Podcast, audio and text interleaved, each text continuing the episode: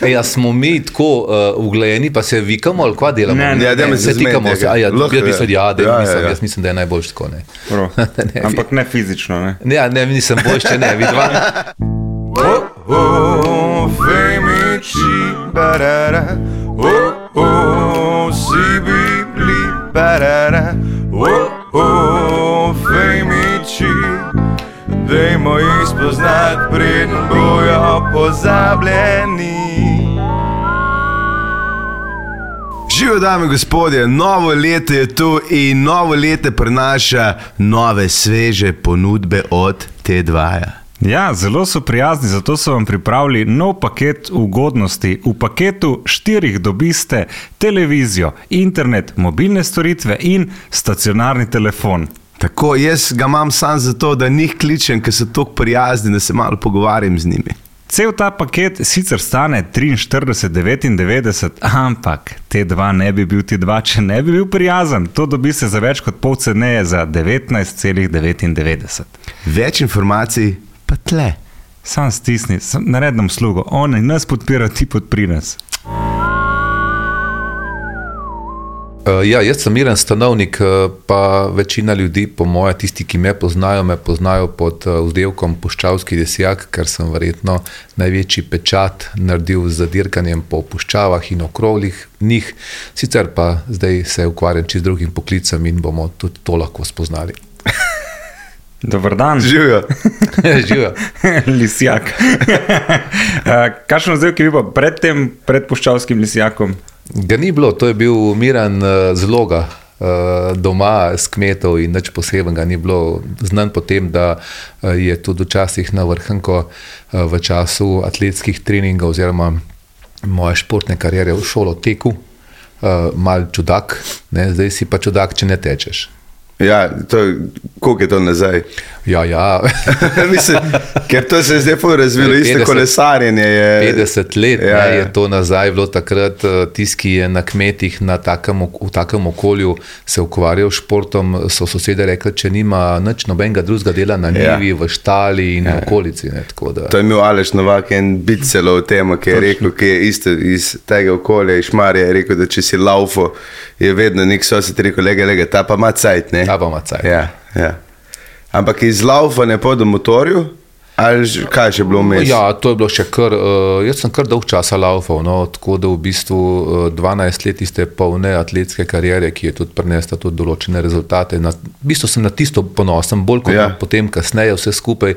Uh, ja, potem sem pa začel tudi kolesariti, ne šest let sem dirkal s kolesom na cesti. Uh, Take poceni športe sem se šel, no, ne, uh, benzin je bil drag, uh, superge so bile takrat edini pogoj, da si lahko tekel. Uh, potem pa seveda uh, sem le počasi začel tudi z motokrosom uh, in kasneje me je zadeva prepeljala noter v to zgodbo, ki je mogoče najbolj me zaznamovala. Kaj pa so tisti rezultati v atletiki, na, kat na katere si ponosen? Ma ja, jaz sem v bistvu uh, uh, celo zastopal naš, našo bivšo državo uh, na, na teh uh, reku, Balkanjadah in tako naprej, uh, ko so se včasih dogajale uh, uh, zgodbe v atletiki, uh, da sem prišel iz ene vrhnike, iz enega kluba majhnega uh, velikem klubu Olimpija v Ljubljani in bilo takrat za une čase kar pomembno, pa da si potem se še približal neki reprezentanci, ker se je vedelo, da so tisti, ki so bližje uh, očem, tudi bližje srca selektorju, ki je prihajal uh -huh. iz Srbije. Ne? Uh, Zanimivo, jaz mislim, da moram reči, no, da te časi so bili za mene zelo, zelo uh, taki, uh, lahko rečem, polni. Uh, sploh pa zato, ker sem nekako začel potovati preko tega športa, malo več ljudi videl, malo več kultur in tako naprej. Um, ja, super. Sem koliko človek res eh, to vidi, ker jaz se dosti sprašujem športniki, sploh, sploh danes, ne vem, kako je to bilo včasih, če je bilo malo več časa za iti kaj pogled, ker ponavadi si prišel na letališče, hotel, trening, pojel, sploh nisi imel občutka, da si nekje drugje. Ne? Ja, To, tega pa, turizma se pa jaz nisem nikoli šel uh, v smislu športa. No. Uh, v, ogromno časa smo preživeli na obali, uh, Medulin, Poreč in tako naprej na pripravah, ampak to so, bile, uh, so bili drugi časi, nikakor ne turizem. Takrat se je treniralo dvakrat, trikrat na dan.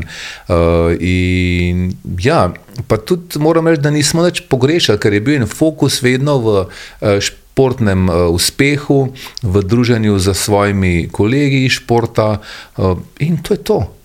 Mi smo šele potem, tudi konc koncev, zelo pozno ugotovili, da so z nami na pripravah tudi uh, osebe drugega ja. spola. in tako naprej. Je tako, je bil fokus. Zelo, se spomnim, smo v istem hotelu uh, priprave organizirali uh, atleti slovenski in nogometna reprezentanca Jugoslavije, ne, uh, ki so se takrat nekako zbrali za svetovno prvenstvo v Španiji. In tisti fanti so pa že dobro vedeli, da naše punce tudi obstajajo. Da smo se od njih tudi nekaj navadili. Mene pa zanima, zakaj človek sploh laufanje toliko dobro. Ni motivacija prav ta, da dobi ženske. Ja, jaz verjamem, da je eno z drugim, uh, ampak takrat res je bil fokus totalno druge. Uh, smo se grebili, da bomo čim boljši, da bomo dobili sprinterce, ker takrat ni bilo za vse dovolj Čevlo. denarja za sprinterce, nekje pa. Zato boljše samo in tako naprej. In kakšne ženske, vse ženske pač potem uh, so se itak pojavlja nekje, ne? pa še vedno uh, moram reči, da ne gledamo stran. Je pa, je pa to, seveda, nekje moraš startati, ne, ne moreš ta veliko žlico tako izajeti. Pa cene so bile malo drugačne, jaz vem, da sem se začetek meni zble. Hlače, ena vajeniška plača, nekaj tega. Ja, eh, to je, mislim, jaz se niti ne znam predstavljati, kako je, so oni časi izgledali, ker je zdaj smo neka svetlobna leta od tistega odmaknjene. Če pogledaj na koledar, je pa to zelo blizu. Mm -hmm. Nekaj desetletij in naša generacija je šla skozi ne take turbulentne čase, ki nas je dobro obrusila. In jaz lahko rečem, sem samo hvaležen tem časom, uh, ki so nam dali mnogo, mnogo izkus, izkušenj, uh, za katere bo mogoče, pa boste vaše generacije celo prikrajšane. Ne? Boste poslušali samo takrat, ko v družinskih krogih malo spijemo, pa govorimo, kako je bilo v vojski, pa kako je bilo tam, pa tam mm. po šoli, ne pa drugače, pa je to, to druga. Ampak na koliko metrov, a je bilo to šprinter? Jaz sem bil srednje progaš, uh -huh. 400 po 800 metrska razdalja, potem sem tudi nekako že poskušal na 400 ovire, vendar jih ni šlo skozi zaradi nekih poškodb in tako naprej. Potem sem se pa pri 24-25 letih odločil, da, bom nekako, da ne bom živel od športa in sem se nekako usmeril v zaključek študija. No, Tukaj sem si pa malo več časa potreboval. Koliko časa? Ja, potem, dovolj. Ja, dovolj, da sem spoznal veliko profesorjev, nekaj jih je šlo že takrat v, v pokoj. Uh, spoznal sem tudi različne fakultete, uh, ne samo Ljubljansko, ampak tudi uh, Zagrebsko, Bihaško in vse tako naprej, ker so se programi v teh desetletjih, ko sem jaz zaključoval študij, spreminjali. Tako da uh, sem bil star tam okrog 40 let, ko sem zaključil ja. uh, študij strojništva, ampak sem bil pa tako trmast, ne, da enostavno uh, nisem želel iti na en faks, ki bi ga lahko z levo roko naredil. Rekel, če smo vsi doma strojniki, oče, Aha. brat in tam ali ne, jaz. Bom pa tudi jaz strojnik, ne, ne bom jaz zdaj skakal na vem, Sorbono v Kran, da bom tam naredil par uh, izpitov, pa potem zaključil študij. Ne, ne. Strojnik, čeprav nisem nikoli v strojništvu delal, no, razen kot pripravnik. Ampak si diplomiral pri svojih bivših kolegih. Uh, v bistvu, niti ne vem, niti ne. No. Uh, so tudi uh, na strojništvu uh, profesori dolg časa ustrajali v, službih, v službah, tako da nekak, nekaj jih je pa še bilo tistih živih, ko, pri katerih sem začel. Se pravi, do 25. Uh, neka atletika. Tako. Kdaj je pol ta biciklizem prišel? Zelo hitro. Uh, v bistvu za enega maratona uh, kolesarskega sem bil pre, prepoznan, da se tudi lahko hitro na kolesu peljem, da rabam nekaj izkušenj in potem sem uh, vozil za Jubdol. To je kolesarski klub, ki je tudi ustvaril kar nekaj talentov z dobrimi rezultati. In ja, takrat so bile spet eh, druge razmere, vrst, drugačne vrste treningov, in to tam sem ustrajal šest let. Pa ne bom rekel, da mi je bilo kaj težko. Eh, kolesarstvo je tudi zelo, zelo, zelo zahteven šport. Takrat, uh, kljub temu, sem mislil, da je atletika najtežja, ker sem tudi ne sam, ampak s kolegi smo na treningih bruha zaradi uh, težkih uh, pogojev, uh, vendar na kolesu je potem še. Naknadno se spozna, lahko, kako je to težko, težek šport, zahteven šport, in da greš vedno preko svojih meja, še na treningih. Ne. Jaz tega nisem nikoli doživel, da bi, da bi bruhal od napora. Eh, hiperventiliral, ja, ali pa te neke. Ampak to bruhanje je eno, vseeno eno zadovoljstvo v zadju. Je malo mazohistično, ne da ne, pa malo je bolano na nek način. Ampak človek vseeno razume, da je nekaj naredil preko sebe in je ponosen na sebe. Ali je sam slabo in spohne moraš razmišljati tisti moment. Ne, seveda je to, je, uh, spet, ja, da ne bi kdo mislil, da smo, tam, da smo športniki, resniki, mazohisti. Um, ampak uh, veš, da si šel čez, se pravi, kje se delajo razlike? Tukaj.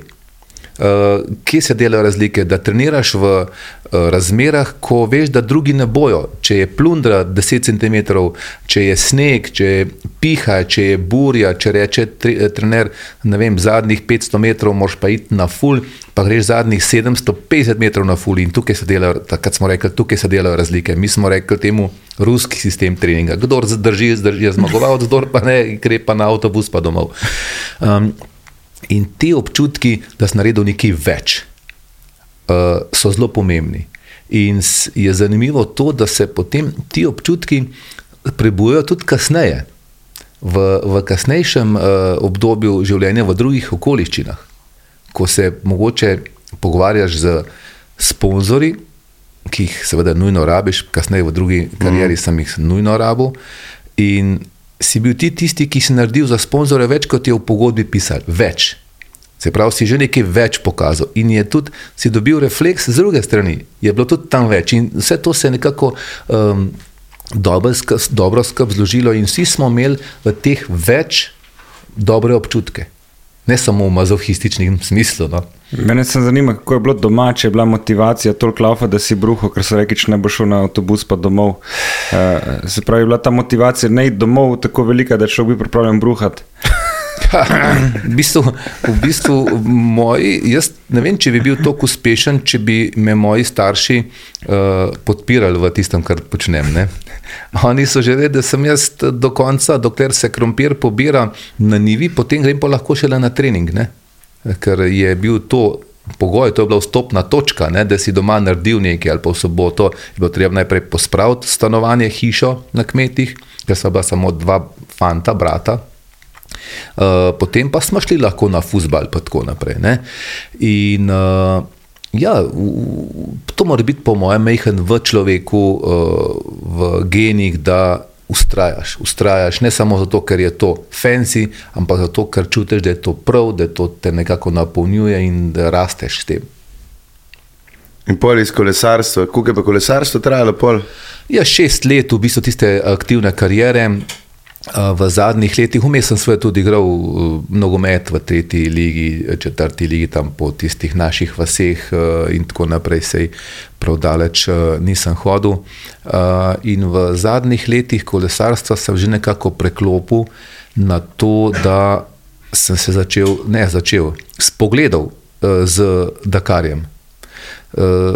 In to v bistvu brez kakršne koli izkušnje je prišel k meni kolega, prijatelj Janez Rajgal, pa rekel ti, a greva na Dakar. Ne? Tudi približno nisem vedel, kaj to pomeni. Nikoli ga nisem videl na televiziji, ker mi nismo imeli Eurošporta. Ne? Mi smo še na takrat imeli ene tri televizije v vasi, pa smo en k drugemu hodili gledati. Ne?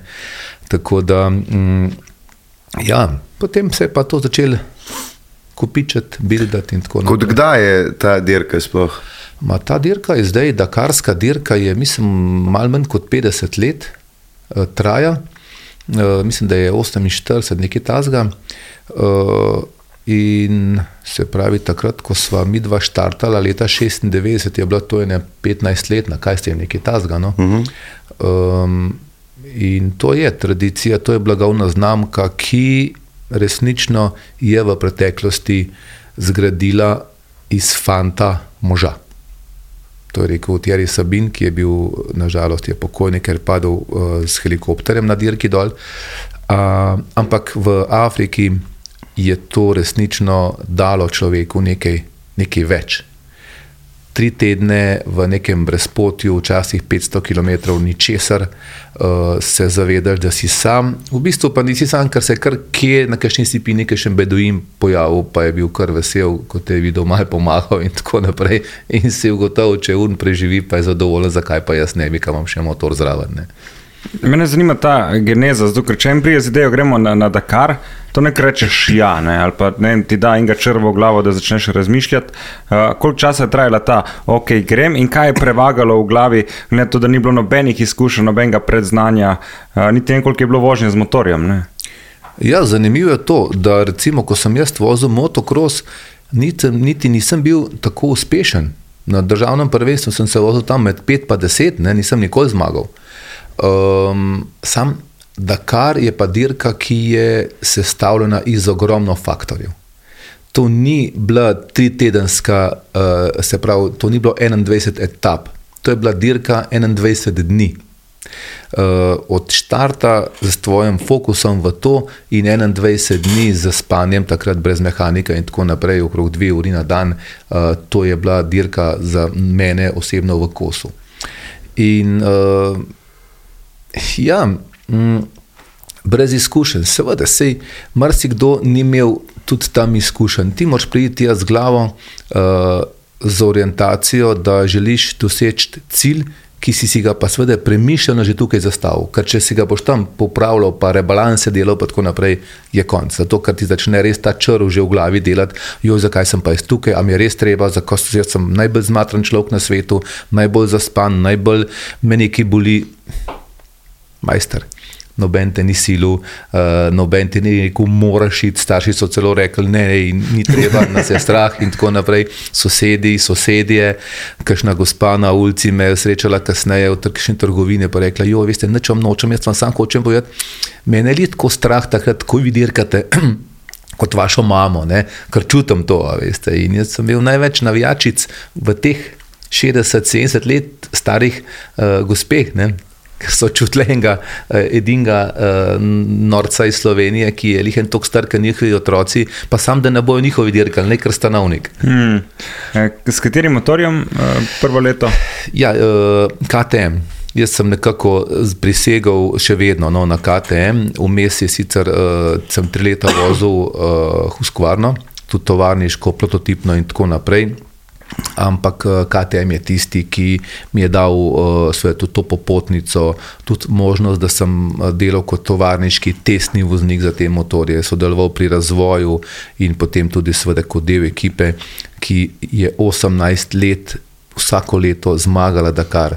Uh, tudi užival v tem, v tem slavju, v, tem, v teh dogodkih, ker smo bili seveda prepoznavni kot uh, KTM, family, kot oranžna družina mm. in tako naprej. Ne. KTM so, oni so iz kere države? Oni so Avstrijci, Mati Kofant, le blizu, ja. blizu Salzburga. Uh mhm. -huh. In zdaj to, to špuro, ki je ta, koliko je dolgo vse skupaj? Ja, zdaj je ta zadeva uh, traja, mislim, da je 10, 11, 12 etap, nekaj tasga, um, dolgo 6000 km, približno, včasih je bilo pa to 12, 13, 14 tisoč km, uh -huh. tri tedne. Uh, najdaljša etapa, ki sem jo vozil, je bila 1127 km. Uh, tako da v bistvu ja, je bilo kar treba fajn prepraviti glavo. Ampak to se je sestavljalo skozi malo drugače. Mislim, kako se lahko, če ste prvič šli, da ste si naredili načrt v Sloveniji? Uh, ja, ja se, to, je pa, to je bila. Uh, Petra Majdič je enkrat rekla, da jo je življenje naučilo, da pričakuje nepričakovano. Mm. In če štartaš s tem v nekaj, eh, da se da, imaš en cilj vmes, pa veš, da boš mogel improvizirati, biti fleksibilen, na uh, izzive odreagirati hipno sam si na motorju, tam nimaš sovoznika, da bi se na njega kregal, da je na robe prebral potno knjigo, da je nekam zapeljal ali pa da bi se en drugega kregal. Sam si odgovoren za sebe, za, za vse skupaj, za uspeh ali pa tudi za kakšno hudo poškodbo. Recimo, ja, in na vsakem koraku se zgodi nekaj novega. Um, jaz sem res en, eno toliko veliko število enih spoznanj doživljal, da enostavno sem kar težko vse nekako prefiltriral. Sploh še potem, ko sem. Jasno, sem se lotil tudi z veliko mero telesne in psihične pripravljenosti iti na to dirko, tako da sem se lahko brez izkušenj dosti dobro vozil, ampak nisem bil spredaj, ker nisem znal tako dobro navigirati in tako. In sem se vozil bolj zadaj z slabšimi tekmovalci po fizični pripravljenosti in sem jim tudi veliko pomagal. Fizično, ker niso zmogli in ne bi zmogli, potem sem tudi bil deležen tisto prvo leto uh, Evrope, ne, takrat nagrade za fair play, Fair play, ja. na, za fair play, ki je pa že nekako začela mi odpirati nekatera vrata, predvsem v tujini. Tako da sem jaz s to dirko rastel, jaz eh, sem očitno moral iti v puščavo, da sem mal, mal začel počasi dozorevati. Katera vrata konkretno? Ja, uh, že najprej me je našel Arnold, gospod Arnold Wendt, en uh, rekel, podjetnik iz uh, Nemčije, uh, ki je sponzoriral Andrejo Majer, ki je zdaj poročena z Stefanom Peter Hanslom in ker sem tudi njej pomagal. In sta se pogovarjali in rekel, jaz bi ti pa tudi nekaj pomagal, ne, finančno, to, da boš ti lahko še dirkal. Rekel se, jaz ne bom nikoli več. Jaz sem zaključil, jaz sem prvič oddirkal in na Brniku novinarjem rekel, da je to prvič zadnjič in nikoli več ne grem. Ne. Mm. In to sem seveda si odprl verjetno tudi politično kariero, ko sem se dobro zlagal in sem še skoraj dve desetletji uh, dirkal. Tako da Arnold Wendt, potem Valvolin International, uh, uh, potem so me uh, ena ekipca iz Italije najdla, tako taka prijateljska in smo začeli tudi mednarodno delovati, tako da sem postajal prepoznaven in uh, ja, se je začelo to dogajati. Živijo, preden začnemo, mi smo začeli že zdavni, cel februar že haramo z Femiči okoli, tako da pridemo spet v Ljubljano 21. Ja, City Popa 22. prevale. Pa 23. smo v Žavcu. Uh, se vidimo, pridite zabavno, je folk umira, gledajte naše storije, pa kupite karte, da se vidimo živo. Je tako. Čau, čau. In koliko denarja rabi človek, da gre na, na, na Dakar v, dana, v današnjem, evo letos, recimo, če bi hotel iti? Ba, Jaz mislim, da Toni Mulec, recimo, ki dirka na visokem nivoju, uh, rabi dobrih 100 tisoč evrov za tako dirko, mogoče 120 tisoč, nismo detajle govorili, čeprav smo res. Ampak to brez opreme. Ja, ja sej, sej tista oprema je relativno uh, je dosti hiter dobiš, če si mehen boljši, uh, saj tehnične sponzorje mm. dosti hiter dobiš, ker si želijo ljudje oziroma podjetniki, blagovne znamke uh, oglaševati na, na dobrih športnikih. Uh, predvsem je tisto, uh, ta prav denar, ki ga moraš ti dati ekipi, so, uh, mehanikom in tako naprej, organizatorju, to je pač treba. Plačati se, da prijete dol. Pa... Tako, tako, tako, to je kar velik zalogaj. Um, ja, sam, to je to, tudi to je del dirkanja, no, pri meni bilo. Eh, Koliko dirk imaš za sabo, zdaj za pasom? Ja, jaz sem uh, 22. 19krat, ne 19krat štartal, uh, bil na štartu Dakarja. Uh, se pravi, zaključil sem 2015, zadnja, zadnji Dakar, uh, jeseni sem še vozil svetovno prvenstvo, vseh zdaj sem duro za reprezentanco Slovenije in takrat sem rekel, zdaj pa dovolj tega, to moje dirkalno obdobje sem zaključil, se posvečam drugim izzivom. Ampak tudi poškodbe pridejo vmes. ne? Ja, to je sestavni del vsega. Ne? Praske, poškodbe, uh, brazgotine so tatuji hrabrosti, ne so rekli. Ja, bravo. Um, ja, tudi te poškodbe te zaznamujejo. Uh, nekatere, neka, nekoga bojo odvrnile od enega cilja. Mm. Uh, jaz pa moram reči, da so me mogoče zadeve še bolj spodbudile, da iščem malo bolj varno pot do cilja, da sem videl, kje je meja. Da preko te meje lahko greš nekaj procentov, več pa seveda spet ne, ker je to že neko resnično izzivanje usode, pa tistega, kar uh, nam je fizika povedala, da se ne sme, in tako naprej. Tako da, ja, mm, resne poškodbe so tudi sestavni del tega športa, tudi na Dakarju. Moramo reči, da je bilo zdaj v teh letih vseh več kot 60, več kot 65 smrtnih žrtev, in je zelo sitno, takrat, ko se zavedaš, da je v, v tej etapi nekdo tvojih kolegov uh, se smrtno ponesrečil, ne? Da si lahko jutri ti, da je lahko nekdo drug spet in tako naprej. Tako da vse to te nekako uh, pripravlja za naslednje življenjske korake, vse take izkušnje in, in uh, zgodbe. Kaj ti pa dela v glavi, ko furaš, ker recimo jaz vem, ko furam motor za, gušt, ne, ko moraš biti skoncentriran na vožnjo in hkrati imaš zelo malo prostora za misli in te misli so tako malo osiljive, da v bistvu glava počiva na nek način, ker mora biti v vožnji, ampak hkrati uživaš, ne, uh, samo misli in vožnja. Kaj je pa na, na, na Dakarju podobno ali vseeno še neka bolj skoncentrirana? Na Dakarju, na teh dirkah je skupek ogromno nekih informacij, ki jih moš uh, prefiltrirati, uh, dati v procesor. Se pravi, imaš osko smer, kot ste rekla, fokus.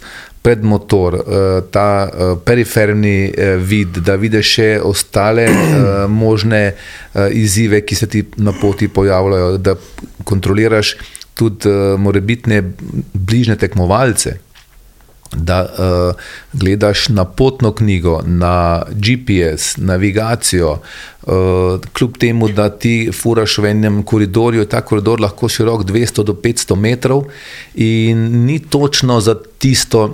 Tisti pol metra, kjer boš ti pelal, napisan notebook, mogoče boš pa na, na letu na eno skalo, ki je ni napisane v potni knjigi. Zato moraš imeti oči na peclih, eh, fokus, včasih v bistvu te dejansko od tega, ker si tako skoncentriran, uh, gledaš kakšne posnetke, kako imajo tekmovalci, avtomobilisti, ker motorista ne moreš posneti v oči, ker ima očala, mm. ampak izbuljene oči, koncentracija na polno, tako da v bistvu je kar strašljivo zgleda, ne? ampak je to res fokus, ker se v eni sekundi ogromno stvari dogaja, zgodi. In tako prav v V tem delu, recimo, en primer, uh, Fabricija Meoni, s katerim so bila v skupni ekipi, se je smrtno ponesrečil, ker je samo za tisto sekundo, dve na blizu pogledal GPS in je takrat prišel en kamen pri tistih visokih hitrostih, mu je dvignil motor in mu je zlomil tilnik. Ne. Se pravi, on je samo sekundo, dve eh, bil nepozoren, oziroma pozoren, sklonil je glavo nad GPS, ker je bil son, bilo sonce visoko in se je to zgodilo. In me je tako zabilo, da me Tok, da je, ja, in smo potem tudi skupaj z BMW-jem začeli razvijati te lead brace, mi rečemo, te uh, vratne uh -huh. upornice, da se je potem uh, ta zadeva uh, omejila na tak način. Ne. In se je dejansko preprečila kakšna smrt? Ja, jaz sem prepričan, da ja, sicer je šla za to tudi kakšna ključnica več, ne, ker je pač nekaj iti. nekaj, sila, ne. nekaj, Mhm, sila nekam se mora- mora sila uh, sprostiti, uh, vendar uh, je kar veliko uh, pomagala, tudi potem so začeli uh, fanti na motokrosu uporabljati te opornice za vrat in tako naprej, da, so, seveda, da je vse sofisticirano, da pride, so že airbagi in take hece, ko padeš, ti napihne in si A to deluje? deluje. deluje. Deluje, to, je, to je v. Ne vem, jaz bi rekel, mogoče 200 tinki sekunde si ti Ja. ja. uh, balon. Ne? Ker nisem še videl, da, videl sem, da so delali teste s tem, ampak nisem še pa videl, da kdo ja, dejansko ima. ja, ja. Dela, dela. Dela. dela, dela. In se tudi zavrat na. Ja, na, se, se nabija tako gor, da, da tako si ko en hrošč rataš. Ne?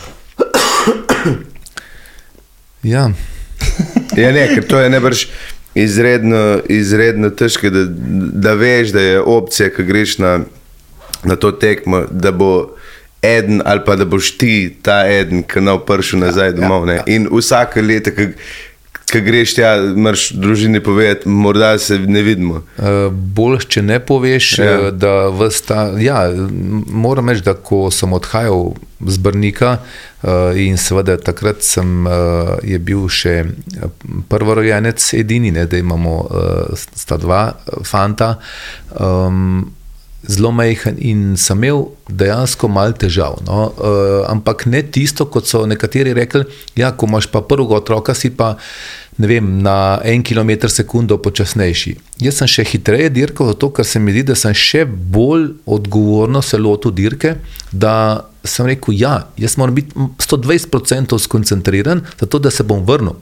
Mm. In če sem eh, resnično še toliko več uh, koncentracije posvetil temu, da uh, bom dobro vozil, da bom hiter vozil, potem uh, ja, sem bil prepričan, da bom tudi uh, bolj varno prišel nazaj. Samo lahko sem nekaj vprašal, če se nekaj Lahko. tega športa lotiš, ali se kako se to življenjsko zavaruješ?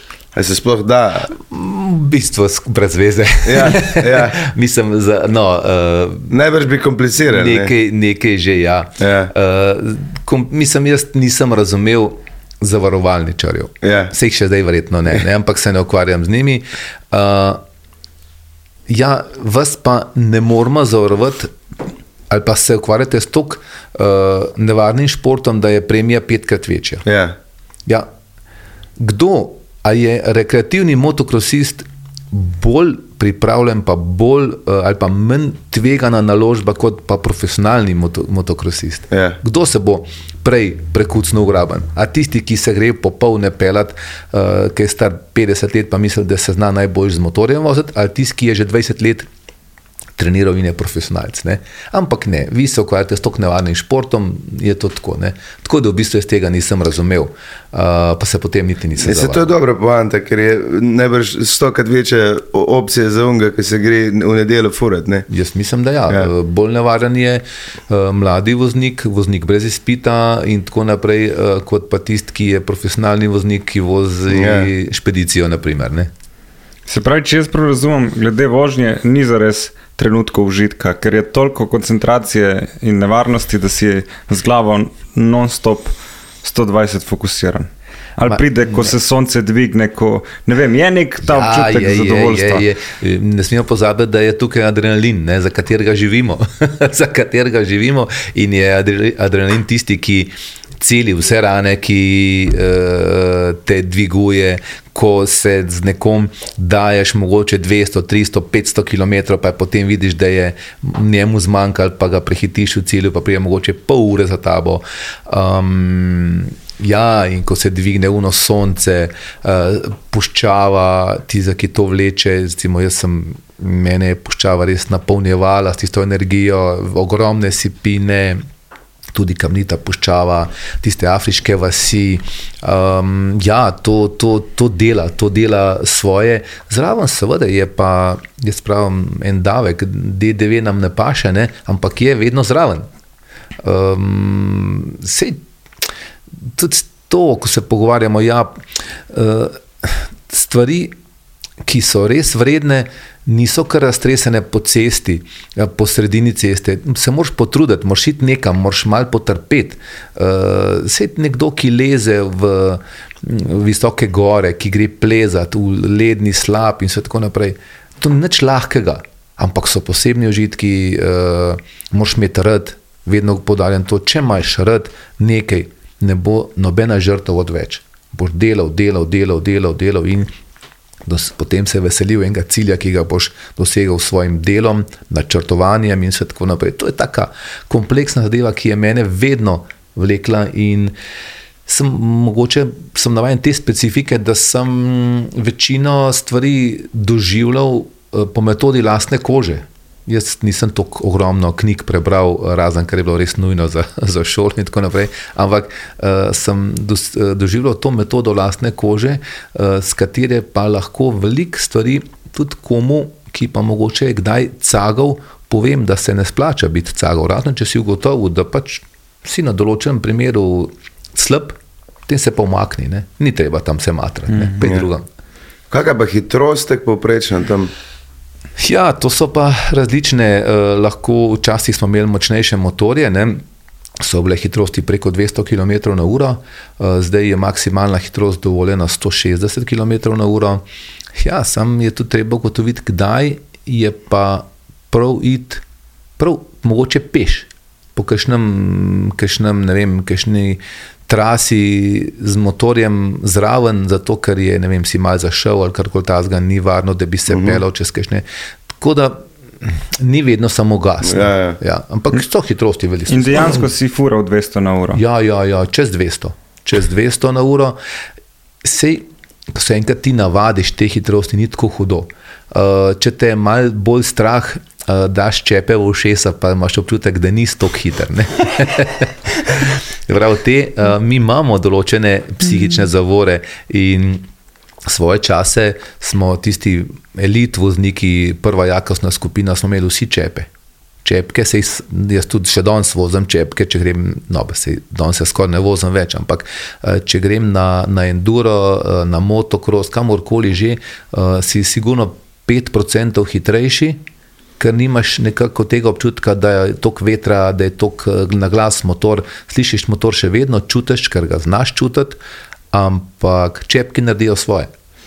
Psihološke finde, da greš hitrejše, kar zanimivo. Jaz bi se še tam malo stavil, tako se mi zdi malo protestantsko s tem trpljenjem. Se pravi, je že pod trpljenje, je trpljenje že samo užitek ali je treba trpeti, da položivaš. Je ena povezava, to se mi zdi tako malo protestantsko, no iskreno, uh, da ni sam užitek možen brez tega predhodnega trpljenja ali pa da je celo trpljenje že užitek. Me zanima tvoje osebno vodilo ali pa tvoje osebna izkušnja ali pa če si imel vse, vse tri možnosti.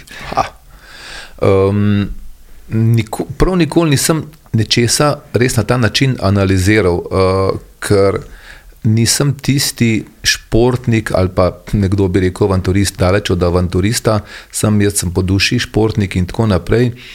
Uh, vedno sem vedel, da če hočeš narediti rezultat, moraš se res potruditi. Da ne bom rekel kakšnega izraza, ko sem, rekel, ko sem prišel v kolesarstvo, če nisi pripravljen urinirati krvi, nimaš kaj kolesariti. To se moraš navaditi. In uh, tam preko meja se iščejo te užitki. Do tja je pa pot lahko tudi malo trnava. Sej, jaz uh, bi ravno tako užival kot zmagovalec, če bi lahko brez posebnega napora prišel do zmage. Ne? Mogoče mi ne bi bila tako dobra zmaga, uh, ker si se ne da zmagati brez trpljenja. Ne? Ampak mogoče bi, pa, mo, mogoče bi se pa lahko zgodil, uh, da bi na navigacijo nekoga, nekoga najdel. Vse to se je tudi zgodilo, ker sem potem uh, zelo dobro navigiral in sem. Z ne tako hitro uh, vožnjo uh, bil tudi visoko uvrščen, zato ker uh, sem pa napak delal bistveno manj kot ostali. Uh, Ja, nikoli nisem podaril, vse mogoče zdaj iz tega mojega razgovora se čuti, da večkrat podarjam ta termin. Uh, trpljenje. Ja. Ampak nisem, uh, nisem tak. Novodobni jezik, bi rekel človek. Mogoče ne. Uh, jaz uh, zelo uživam, ko se uh, preznojim, ko se mi dvigne puls, pa, pa recimo pridem domov pod tuš in rečem, wow, nekaj sem naredil za, za sebe, še zdaj. Da bom pa rekel, smo se pa ravno v soboto nedeljo kolesarili z prijatelji iz kluba, uh, tam na en uspon oprtal na Hrvaški, v Hrvaški Istri in ravno se pogovarjamo, kako je, so prve te vožnje zimske zdaj še naporne, ter malo bolj trpimo. Ker nimaš, ker nimaš še ta pravi ja, ja. nog, ker smo navajeni še bolj hoditi, pa trenirati po spinningih, pa fitnesih. Ampak, ko pa presežeš, presežeš enkrat tam mejo 1500-2000 prevoženih kilometrov, pa že gre, pa užit, je pa užitek toliko večji, ker je tudi za nas rekreativce zdaj poravno, se peleš 40-45 na uro in tako naprej. Je, Ampak do tega moraš malo pogrist kjer mu se pa ne da, se pač ne da, se pa ne bo vozil, ne? so pa električna kolesa, kjer se da z bistveno manj energije. Jaz vem, da sem nekaj lani hodil na Hrvaški in sem gledal enega modela, ki je imel en, ene 120 km, ampak je šel v breg te hiter. Nisem vedel, zakaj se, dokler nisem zraven prši povedal, da je na štrom gor goni. Mm. Ja, ja, ja. To je za, za kolena zdaj lažje, ne? če ja, hočeš. Je, vse je, sej, ampak Ja, posod najdeš lahko izziv. Jaz si upam priznati, da sem tudi vozil ene tri sezone električnega mountain bika, ne, leta nazaj, šest, sedem let nazaj.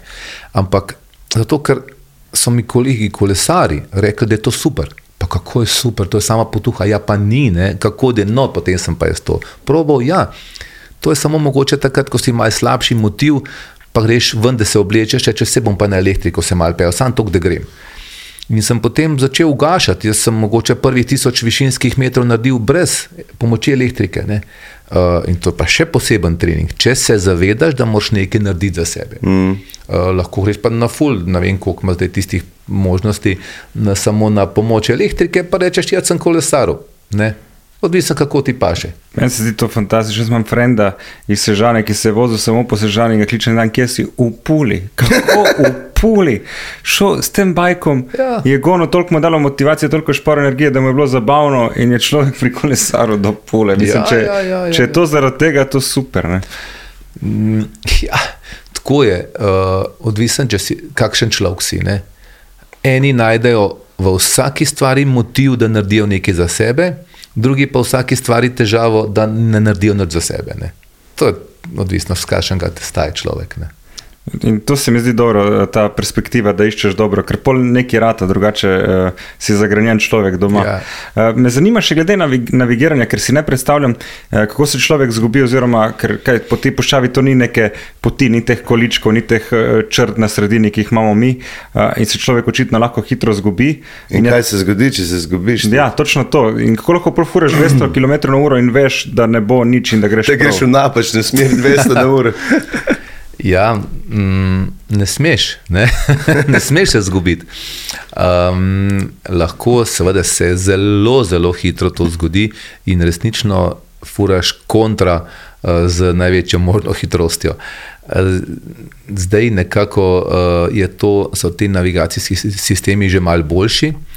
Uh, in tudi, če ugotoviš, da se da si zgrešil, da nekaj ne štima, se to tekmovalci že hitro vajo, začnejo bolj počasi voziti, se ustavijo, se mogoče se še pozdružijo, pa malo skupaj pogledajo.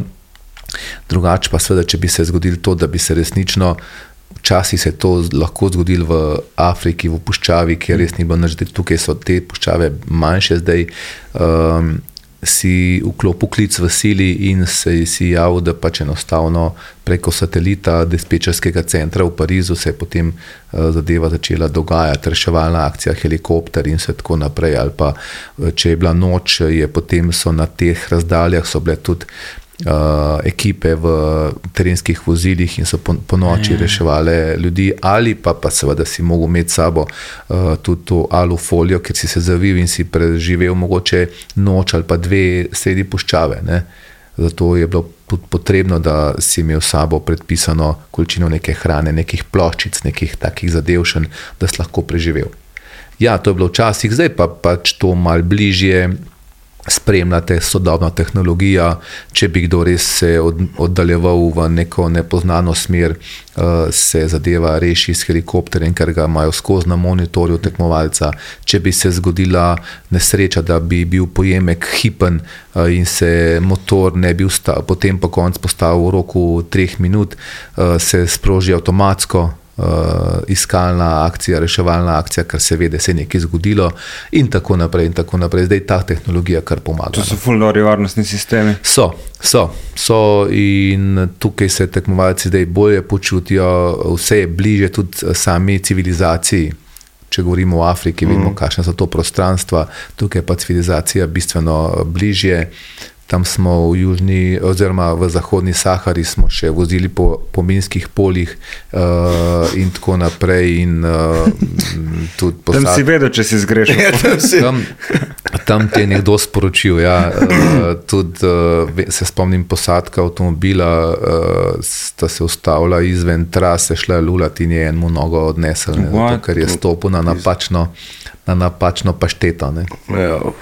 Fuck. Um, nimaš pa nobenega na, na vezi, ti, ki si šel dol, si bil dejansko sam, čelada, uh, tablice in piči miki. Tako. Ja, prvo leto je v bistvu bilo mogoče prav, kot pravijo, no brain, no pain. Ne? Če ne veš, ne boli.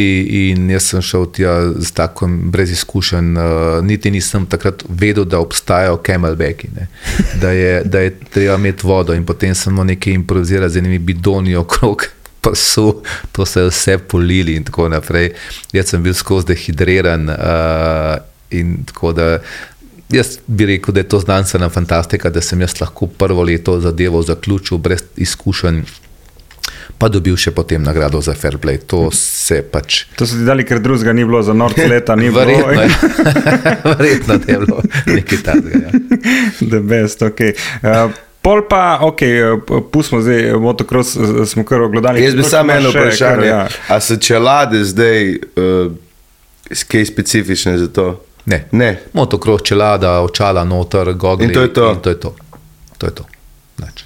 čim bolj varna. mora biti, Ja, ja, ja. Da ti fita, ker če te mečken začne nekje boleti, je konc, te bo čez tri ure glavo raznese, Ja, če ja. tako gledaš. Ja. Uh, okay, šport je bil vedno atletika, uh, kolesarstvo, motocross. Uh, vojska je prišla zaradi uh, relija. Ja. Ali je bila že prej, pred relijem, resnici? Ja, zdaj, Nekaj malega je bilo. Ne? Zdaj, eh, tako je. Um, jaz sem končal uh, šolo rezervnih uh, oficirjev uh, v bivši državi.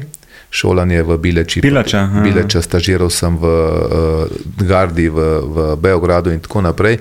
Potem pa, da malo skrajšam, ko se je začela priprava na tisto agresijo na Slovenijo leta 90, uh, sem bil vključen takoj že oktobra leta 90 in potem vemo, da je pač tisto uh, nekaj dnevna vojna in tako naprej. Tako da v bistvu um, se je začelo že takrat dogajati. No, bil sem tudi uh, sem pač veteran vojne za Slovenijo, bil sem poveljnik na barikadah na Vrhnki, zadaj na drugi strani je bilo 150 tankov. Eh, Mi pa sedem netrzajnih topov na drugi strani, tako da smo se tako gledali uh, na 200 metrov, ampak uh, seveda še zmeraj pravim, da je zdrava pamet prevladala. No? In uh, vse je kazalo, da bom že takrat, leta 91, podpisal pogodbo za slovensko vojsko. Vendar se je v meni nekaj uh, en čut rekel, da ne. In sem se odločil za leta 91 za samostojno pot, potem sem se ukvarjal deset let z gostinstvom v Ljubljani. Uh, ja, potem pa šele leta 99 uh, prišel v vojaško policijo uh, in kasneje tudi uh, v športno enoto, in v športni enoti sem potem prevzel uh, poveljevanje uh, kar več kot debelo desetletje, uh, in kjer sem se seveda dnevno srečeval tudi z našimi najboljšimi športnicami in športniki, olimpijskimi dobitniki zlatih medalj, svetovnimi prvaki in tako naprej. V najboljših časih je imela slovenska vojska zaposlenih 120 vrhunskih športnic in športnikov.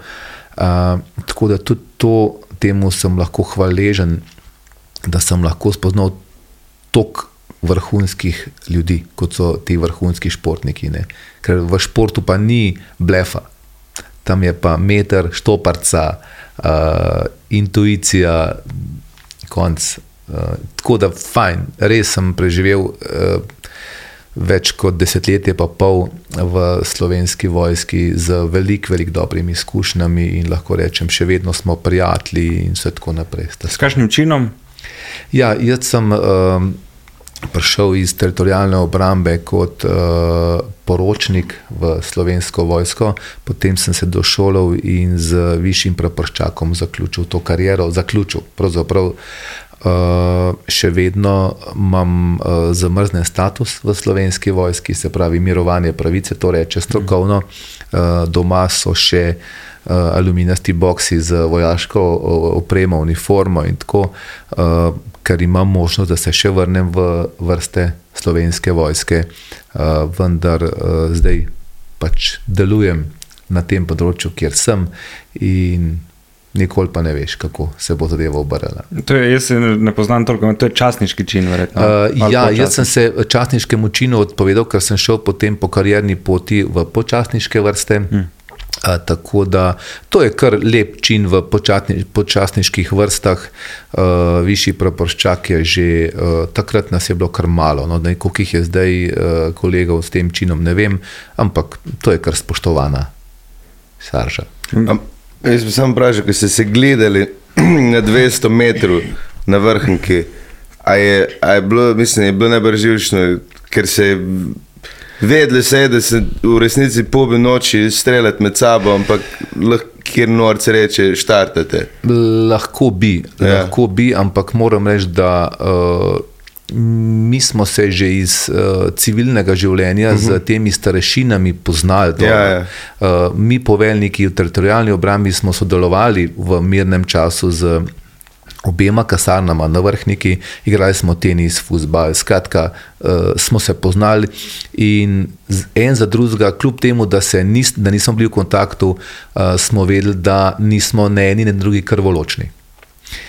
Uh, tisti fanti, ki so služili vojaški rok v teh vojašnicah, so enostavno bili dezinformirani in čakali kaj bo. Vse so bili lačni, se niso so bili v tuji eh, državi, če bi tako gledal, daleč od svojih domov.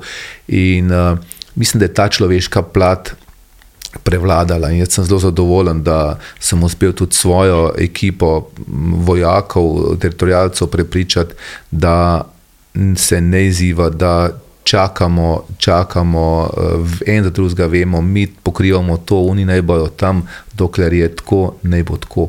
In se je lepo zadeva potem zapeljala. Ker na enih točkah se je to lahko tako speljalo, ampak zakaj je pa takrat prišlo, ko mi dva smo bila, ti že, mislim, jaz sem bil mali in sam čuješ, kaj je bilo, sem zanima me za tistih smrtnih žrtev, ki je prišlo. A je to prišlo zaradi kaosa ali zaradi agresije določenih? Sem, jaz bi težko komentiral, ker me ni bilo tam. Ja. Uh, povsod, v vseh vrstah se najdejo tudi uh, kavboji, ki bi se šli radi Rambota, pa uh, ne vem, kaj vse sorta. Ja, zmago. Jaz, jaz Ja. uh, moram reči, da za moje fante lahko rečem, da so oddelali eh, zadevo maksimalno uh, in tudi na drugi strani ta tolerantnost. Uh, kaj se pa dogaja druge, bojo pa.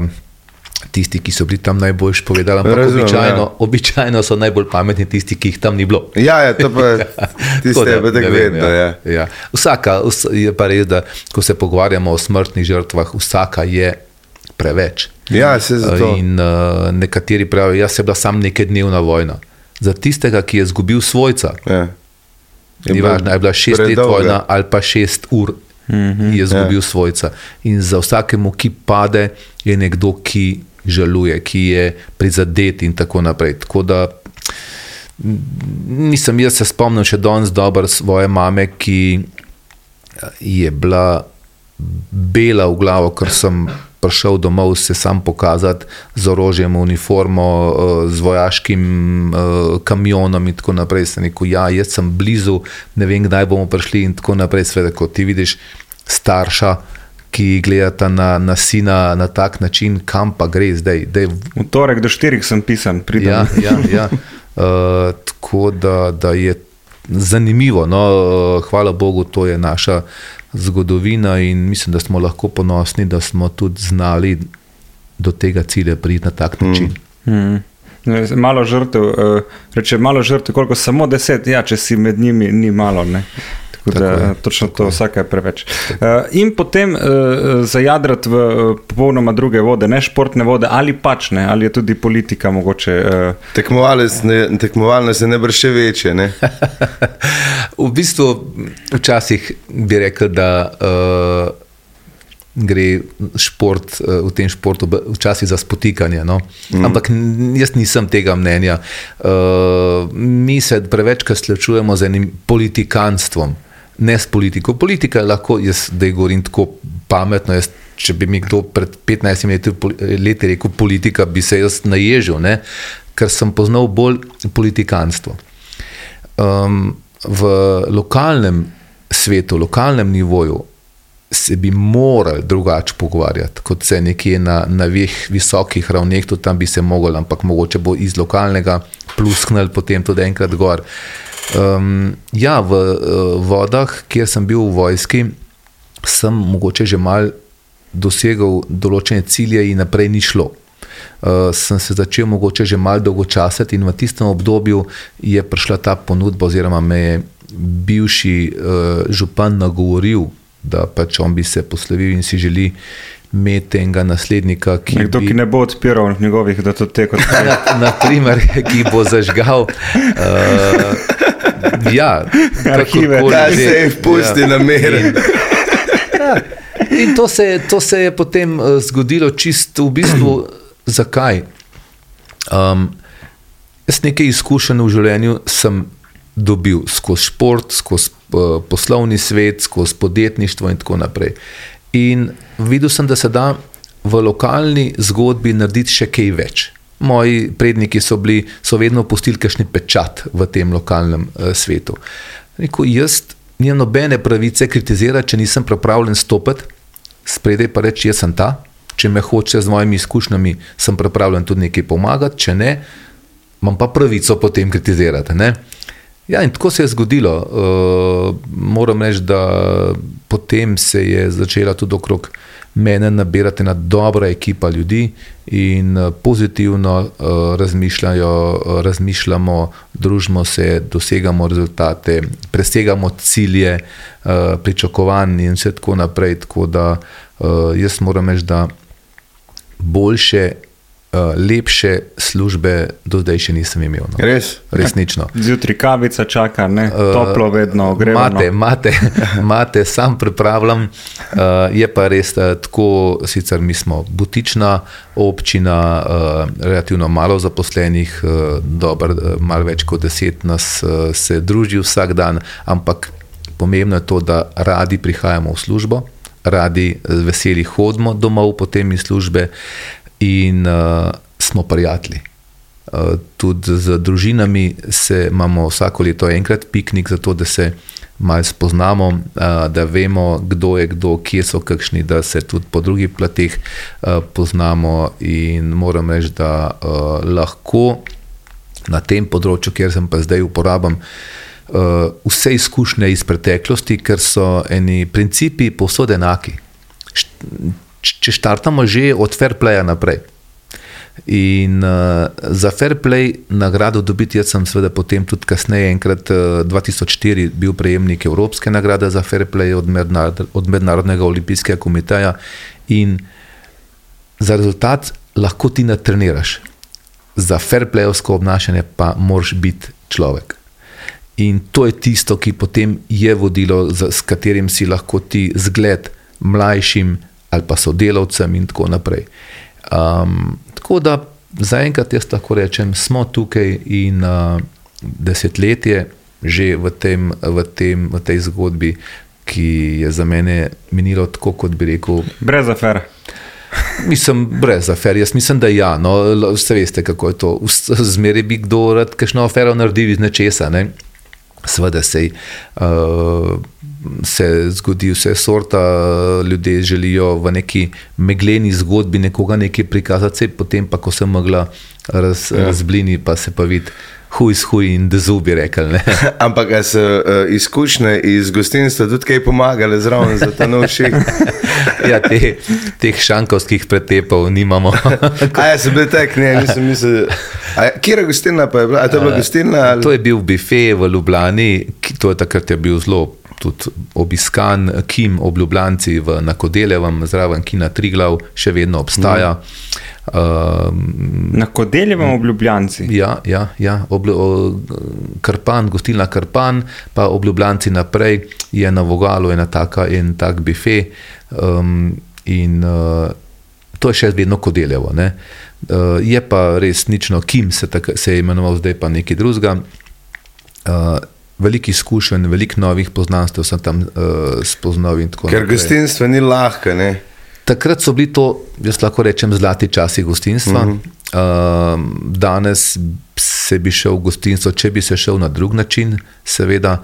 Uh, takrat je pa resnično uh, zadeva funkcionirala in res uh, veliko izkušenj sem si tam nabral.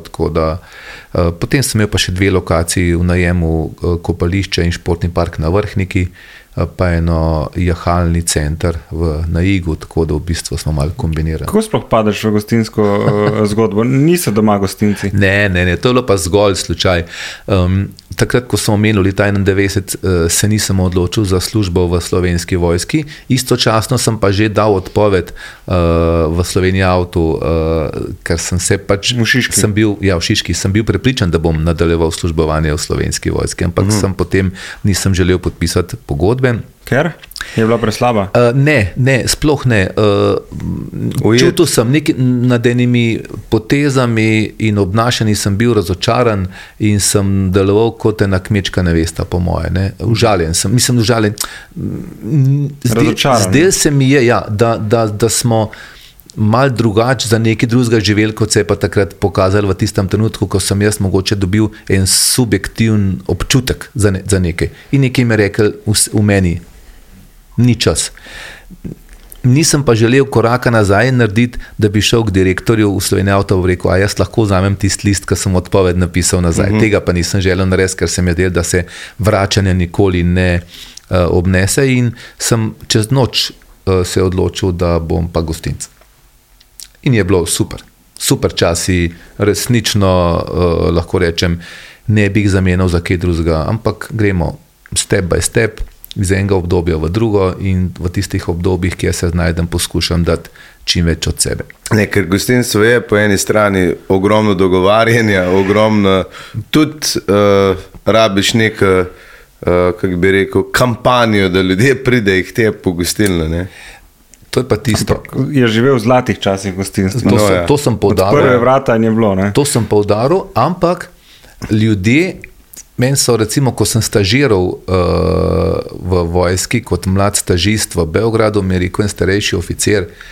Tile ljudje tukaj noter so inženirji, so tudi uh, pastirji, vse sorta imaš med temi stotimi ljudmi. Ne vaj, vsi ne vejo, kaj pomeni zakonodaja, kaj, po, zakonodaja, kaj pomenijo pravila. Vejo pa vsi natančno, kaj je pošteno in kaj ni. In če si ti iskren v tistem, kar počneš, čemorkoli počneš, se to prepozna. Vključno s to politiko, s katero se ukvarjam zdaj, lokalno, seveda, kako je na državnem nivoju, rajši ne govorim.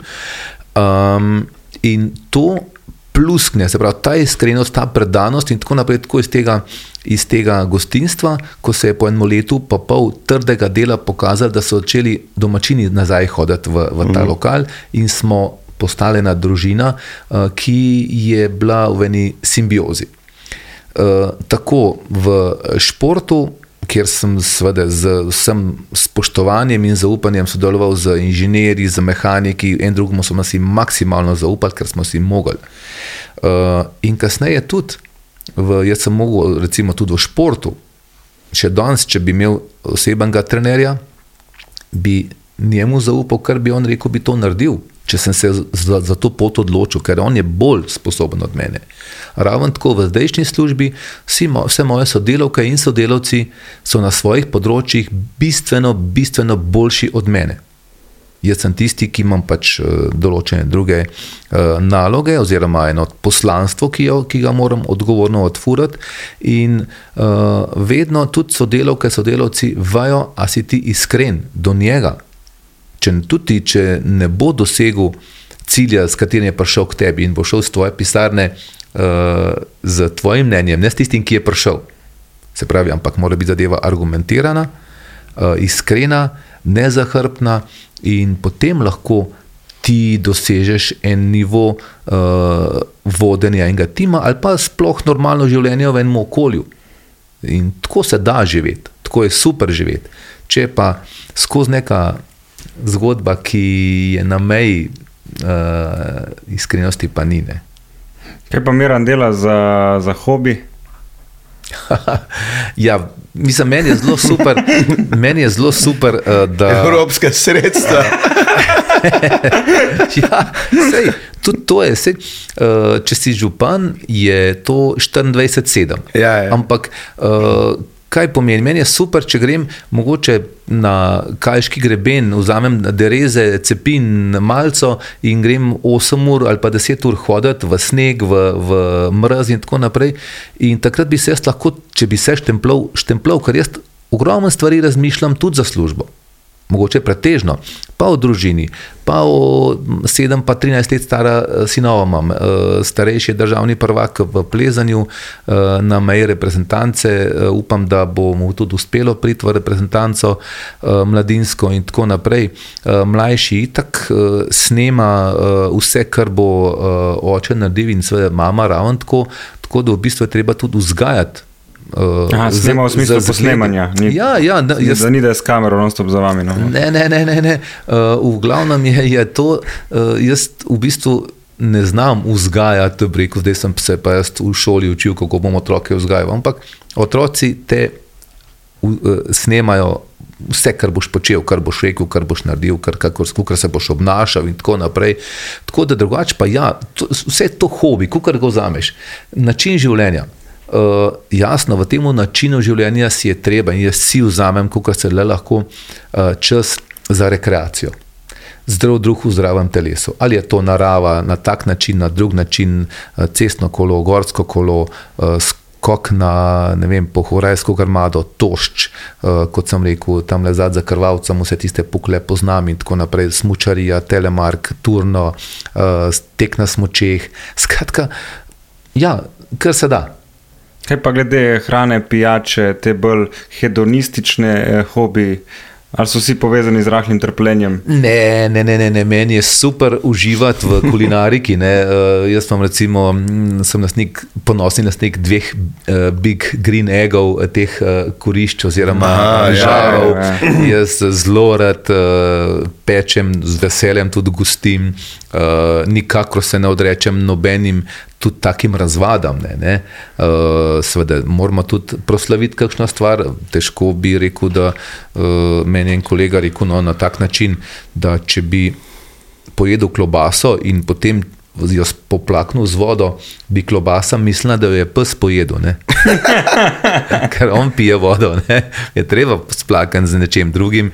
Uh, seveda, Jaz pravim, poskušam jemati življenje, z, vse v življenju z enimi pravimi uh, uh, reku, količinami, ne preveč, nič neče, nobenega, ampak vsega pomalem, potem pa tudi vidiš, kaj te bolj veče. Zelo rad uživam. Zelo rad uživam, daleč od tega, da bi, da bi užival v trpljenju. Zelo rad uživam, ampak saj sem, ko smo rekli, če hočeš priti nekam, da boš imel dober razgled, moraš vmes mal, mal pošvicati. Ne? Kaj ne rej, uh, tisti grinegi so kar, kar jaki. Sem tam se, tiste prednje se segreje, je kar. Ja, ni to tako hudo, se- ampak sej kulinarika ni samo. Zdaj bomo pa se usedli, pa hitro nekaj. Ne, ga- absolutno, ampak ja. Če, bom, če vem, da bomo dobili goste, meni je super, že v nedeljo ob 9. do polne se mal pripraviti, da uh, primerne kose mesa, da se oni Ampak kaj je primeren kos mesa? Ja, meni je izziv iz s- pocen kosa mesa narediti dobro hrano. Uh, se pravi, tudi kajšno stegno, brezvezno, Ja.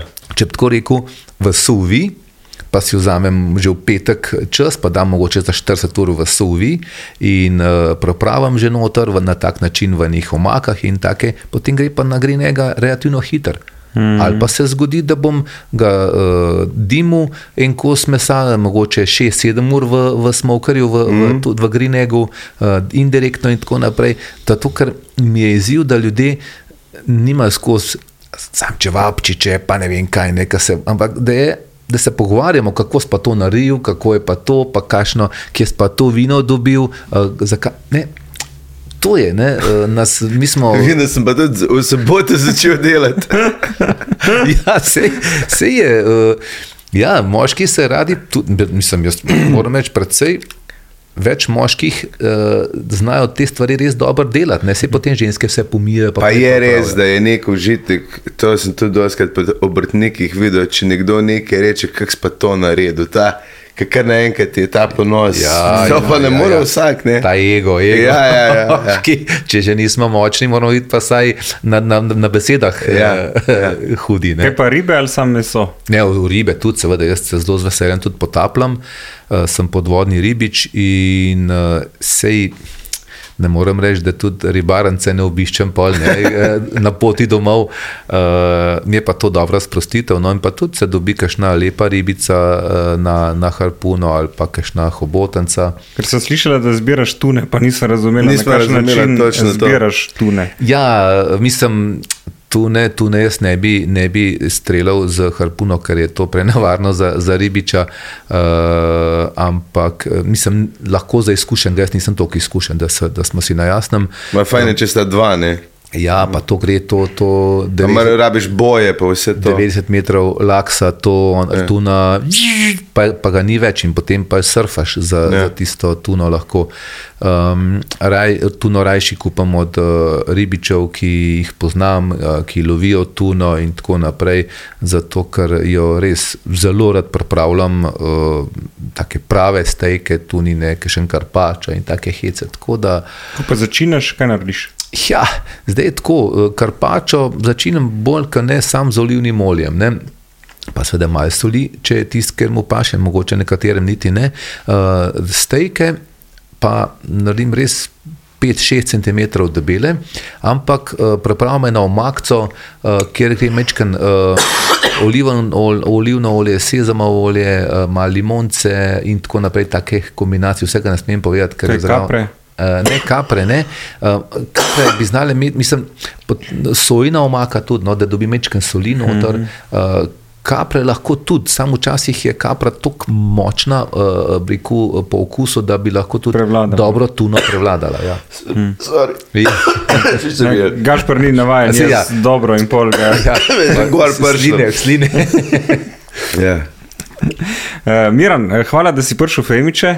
Uh, mal smo zvrtali ven z tebe, dobro se boriš, eh, moramo priznati, eh, ampak evo, do tu ne smo prišli. Evo. Uh, upamo, da ne bo prišla nobena afera ven. Uh, Zaradi naju.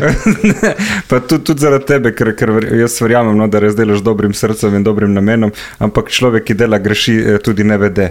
Uh, tako da Ja, bomo ja, videli ob naslednjih volitvah. Se strinjam, ja, velja. Ja, vi pa dajte se naročiti na naš kanal, Tako. uh, dajte naj jo poslediti, eh, Miran, rabiš kaj followerjev, ali imaš dovolj? Ma, jaz v bistvu, jaz eh, po mojem, da me kar sledijo, no, od uh, MPU-ja, policija, navadni. Vsi so, vsi so Že eh, morajo po službeni dolžnosti. Ja, in tako naprej. Tako da, da dovolj sledilcev. Jaz mislim, da je dovolj. Ja. Dobro, nehite Miranu slediti. No. Ja, manj sledilcev. Ajde, čau. Čau, hvala. Čau, čau. Oh, femici, barara. Oh, oh, si barara. Oh, oh, femici. Dajmo jih spoznati, preden bojo pozabljeni.